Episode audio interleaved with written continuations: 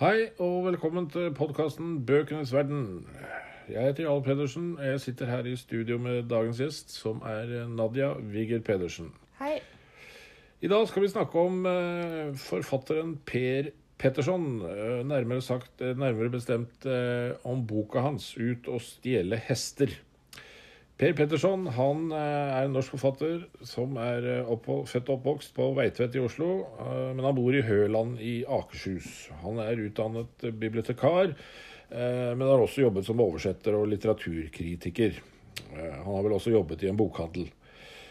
Og Pettersons tidligere bøker da, de har jo fått stor oppmerksomhet hos kritikerne, men det var først da han kom med den her eh, 'Ut og stjele hester', som, eh, som han fikk sitt store gjennombrudd hos publikum. Den kom i 2003. Eh, så vidt jeg har sett, så har den nå nådd et samlet opplag på 700 000 eh, eksemplarer. Eh, 200 000 er solgt i Norge, og hele 500 000 i utlandet.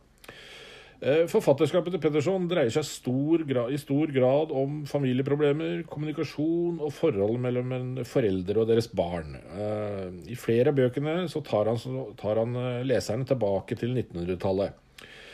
Eh, ja. Per Petterson, 'Ut og stjele hester'. Hva handler egentlig den boka om, Nadia? Ja, boka handler om sommeren 1948. Trond og faren hans bor på en seter ved en elv nær grensa til Sverige. Trond er 15 år. Det han opplever de neste ukene, død, svik, vil forandre grunnlaget for livet hans. Mer enn 50 år etter flytter han til et lite hus ved en innsjø langt øst i landet, sammen med hunden sin.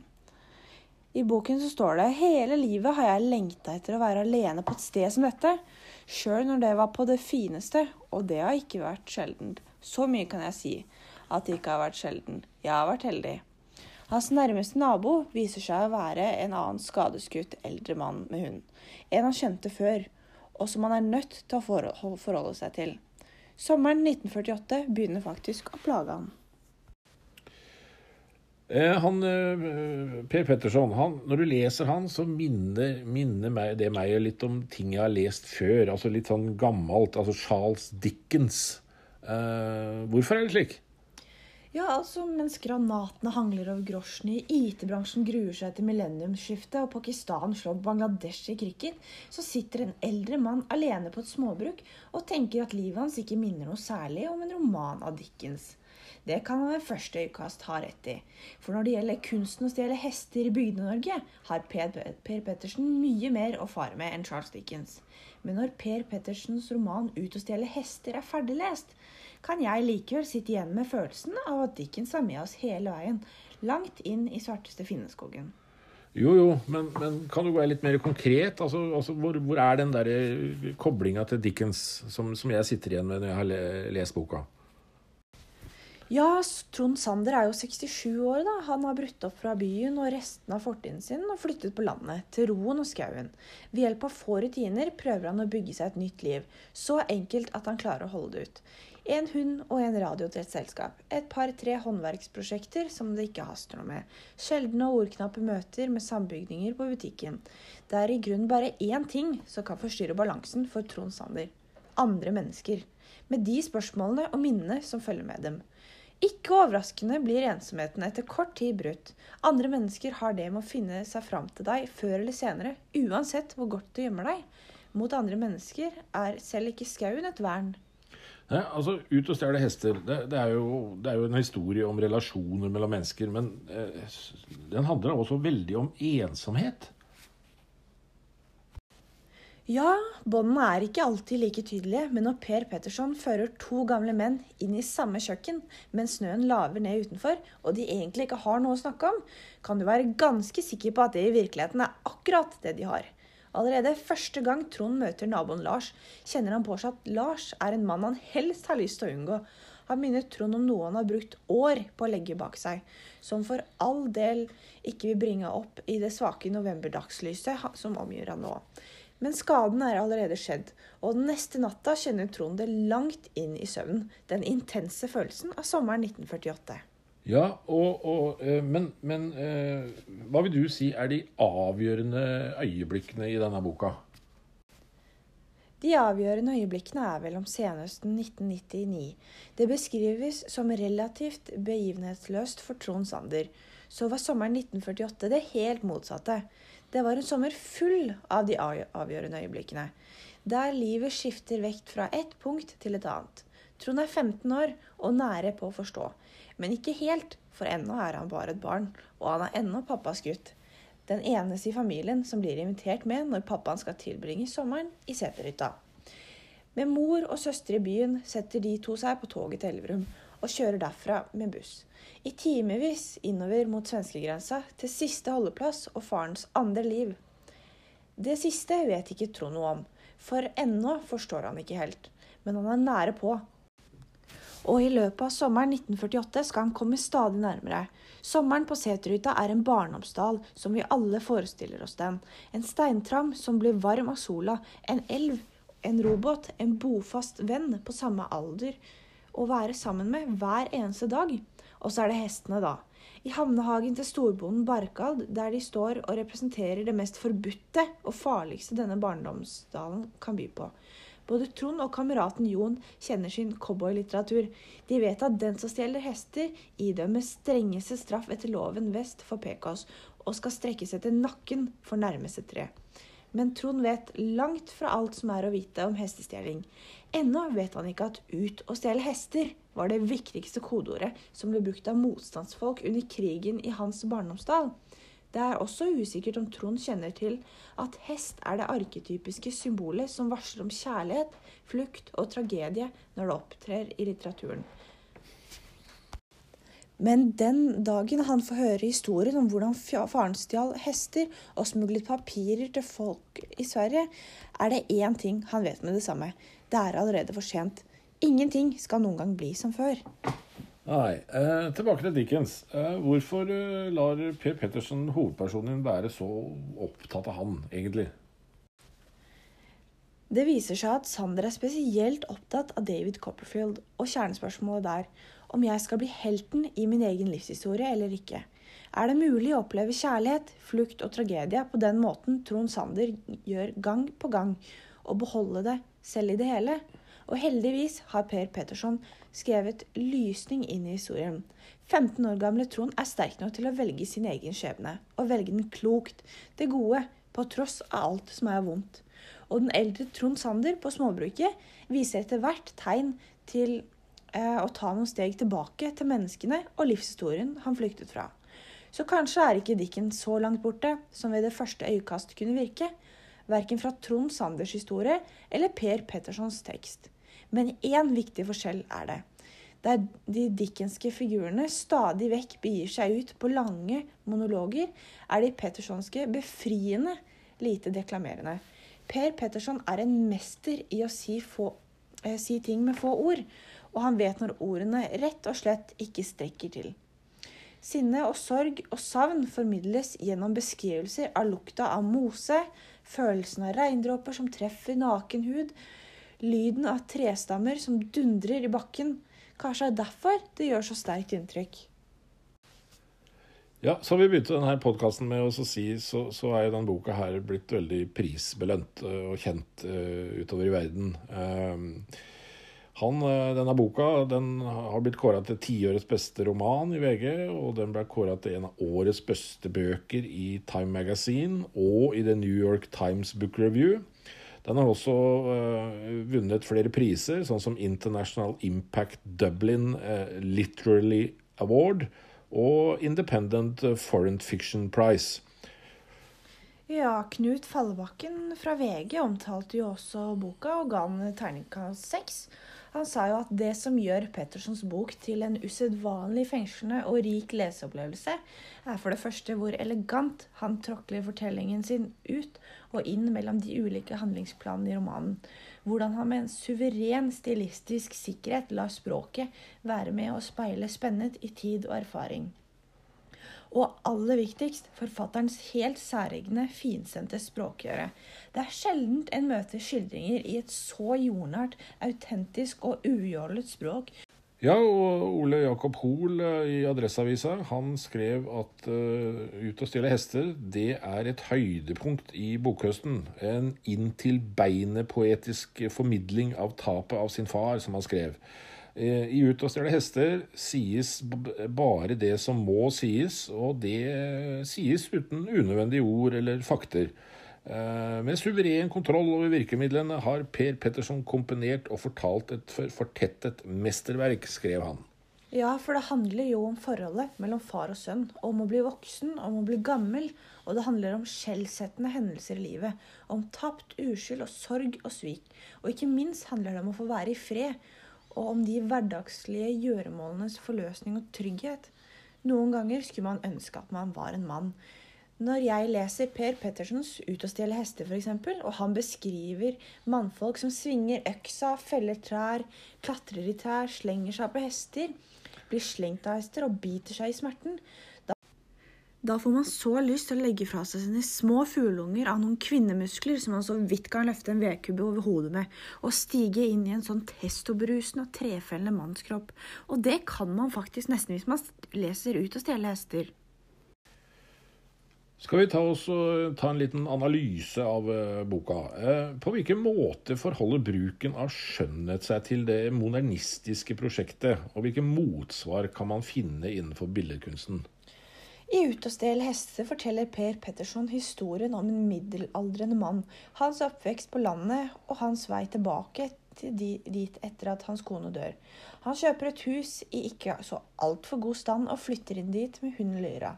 Det scenografiske utgangspunktet for fortellingen er den norske naturen som innrammer de fleste tankene og handlingene. Her følger et eksempel fra bokas åpningsparti. Jeg bor her nå, i et lite hus ved en innsjø langt øst i landet. Ut i sjøen renner ei elv. Det er ei lita elv med en liten vannføring midt på sommeren, men om våren og høsten strømmer det friskt, og det er ørretiden.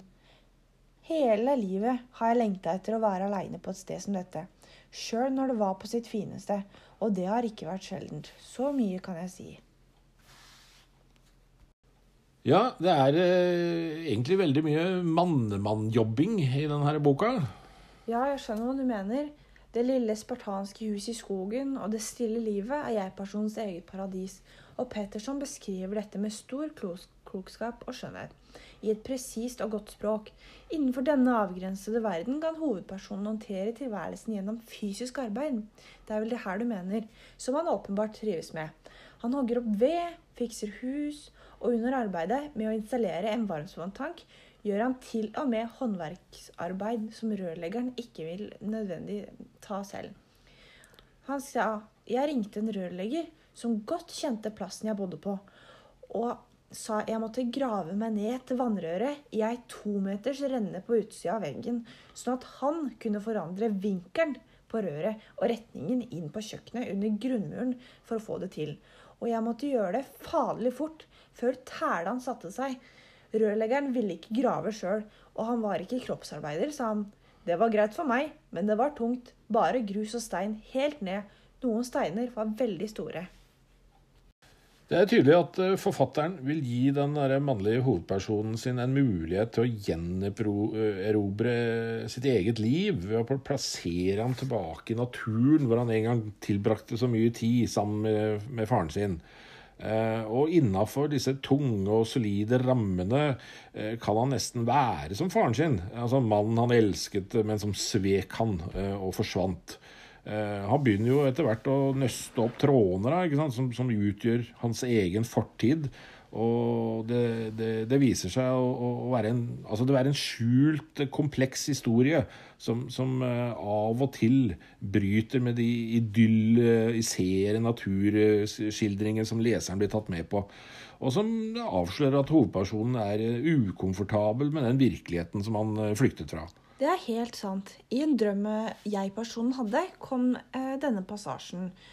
Hun så på meg med det blikket jeg alltid hadde frykta, og sa du er jo bare en av mange. Hun satte seg opp og var naken og tung på den måten jeg kjente, og hun fylte meg lede til langt opp i halsen og samtidig med skrekk, og jeg ropte ikke i mitt liv, og så begynte jeg å gråte, for jeg hadde visst at denne dagen en gang ville komme, og jeg forsto at det jeg var mest redd for i hele verden, var å være han på Margits maleri som ser seg sjøl i speilet og ser rett inn i sin egen nakke. Igjen og igjen. Ja, Angsten for ikke å være hovedperson i sitt eget liv, eller for uh, ikke å eie sin egen historie, det er et uh, viktig utgangspunkt for denne romanen. Men uh, det her perspektivet det kommer etter hvert til å stå i kontrast til den settingen som, som hovedpersonen plasseres i.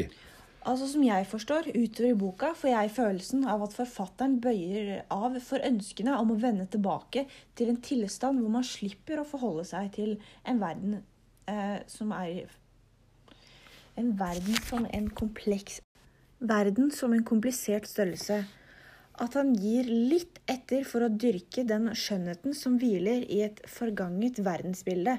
Dette underbygges først og fremst av hva jeg ville kalle scenografiske elementer.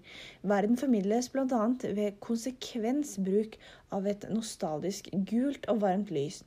Altså, det dukker jevnlig opp over de 246 sidene. Og gjennom et maskulint håndverksmessig grep om tilværelsen, altså naturen, og en naturromantisk estetikk, disse aspektene korresponderer godt med vårt sosialdemokratiske skjønnhetsideal. Natur, enkelhet, varme, harmoni og ærlighet er trekk som scorer høyt, og som også trygt kan omfavnes av menn. Ja, men eh, ja, la oss snakke litt mer om det. Hva slags virkemidler bruker Pettersen i denne boka her? La oss ta side 21 som et eksempel. Her finner vi en indirekte allusjon til andre verdenskrig vi, vi skulle ut og stjele hester. Det var en ordkode som faren til Trond brukte når han var i motstandsbevegelsen under andre verdenskrig. Kodeordet til faren og Frans som motstandsfolk, som vi får vite om i et tilbakeblikk senere i boken. Et annet virkemiddel som eh, kommer flere ganger i boken, det er jo frampek mot brudd av tillit. F.eks. på side 37 så sier han Og så tenkte jeg på faren min. Et annet eksempel er på side 42. Da sier Trond jeg stolte faktisk på faren min. Boka har jo også ledemotiv, altså fysisk arbeid og, og frempek mot undertrykt uh, smerte. Uh, kan du gi et eksempel på det? Ja, f.eks. på side 63. Der står det det var jeg sjøl som bestemte når det gjorde vondt, og om det skulle synes eller ikke og jeg presset smerten ned i kroppen så det ikke skulle vises i ansiktet mitt. Og med armene heva snurra jeg snella, og tråden rant ut til jeg var kommet til enden av eng. Og der la jeg snella i det stubbkorte, nyslåtte gresset med ståltråden stram så rolig jeg kunne, og reiste meg like rolig opp og stakk hendene i lommene og lot skuldrene synke. Det skar som kniver i nakken, og jeg gikk bare sakte bort til de andre, da jeg passerte faren min, løfta han hånden liksom tilfeldig og strøyk meg over ryggen og sa lavt. Det gikk jo fint. Og det var nok. Smerten forsvant, og jeg var allerede klar for det neste. Romanen 'Ut og stjele hester' den forteller jo egentlig to parallellhistorier om uh, hovedpersonen Trond. Altså Det er én historie som handler om sommeren 1948, og én historie om Trond som handler om det som skjer 50 år senere. Og boka den handler om altså, svik som han føler, død som han opplever, og forholdet mellom en eh, sønn og hans far. Ja, som eh, nevnt før så er jo Trond en voksen mann som bor ute på landet, langt vekk fra andre mennesker. Det er nettopp dette han har ønsket hele livet, å være alene. Han bor sammen med hunden sin, og dagene til Trond består av turer med hunden og oppussing av huset. En natt blåser det opp til storm, og et av trærne like ved huset velter og blokkerer uthuset der sagen hans ligger. Da kommer naboen bort, og de to starter å snakke. Det er ikke noe spesielt med denne mannen, men Trond kjenner han fra før. Det er Lars. Det er nesten 50 år siden nå, men tankene spinner tilbake til den sommeren i 1948, når de to begynner å snakke sammen. Ja, da tar vi en ørliten pause, og når vi kommer tilbake, så skal vi snakke om intens prosabruk.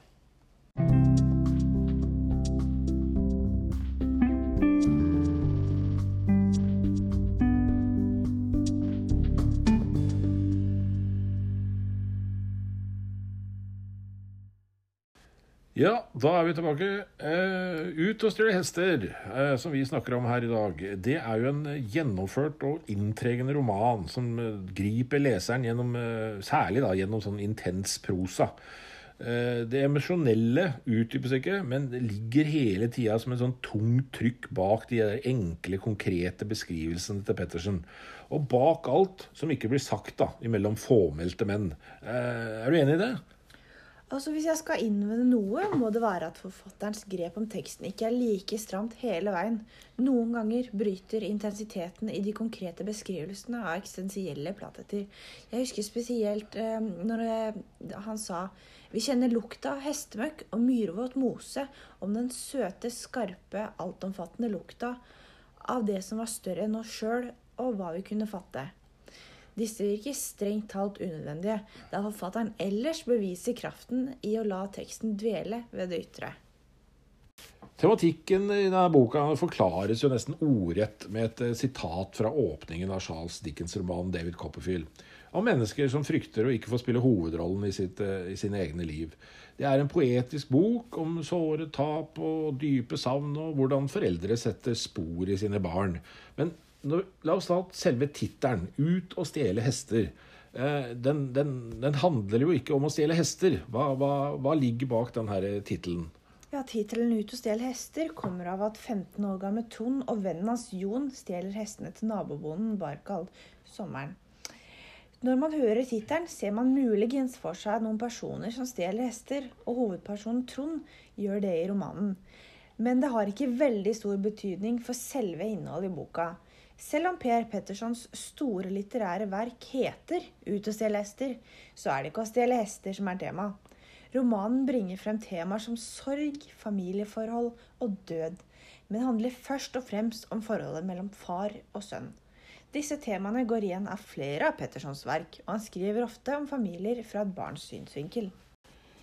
Ja, da tror jeg det er på tide å runde av eh, denne podkasten vår om ut og stjele hester. Men helt sånn på tampen, Nadia. Eh, er det noe i denne boka som fremdeles er dagsaktuelt? Den er jo skrevet for, eh, for 18 år siden.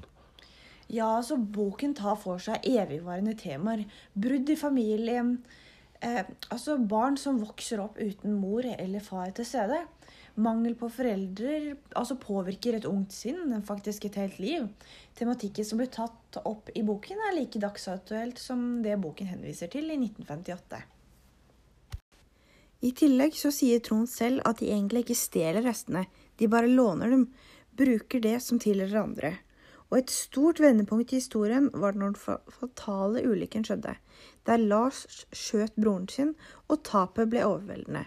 Historien forteller om at Trond opplever sin første forelskelse i nabokona, som er gift. Her opplever Trond farens første svik. Trond oppdager at faren har et forhold til denne damekona.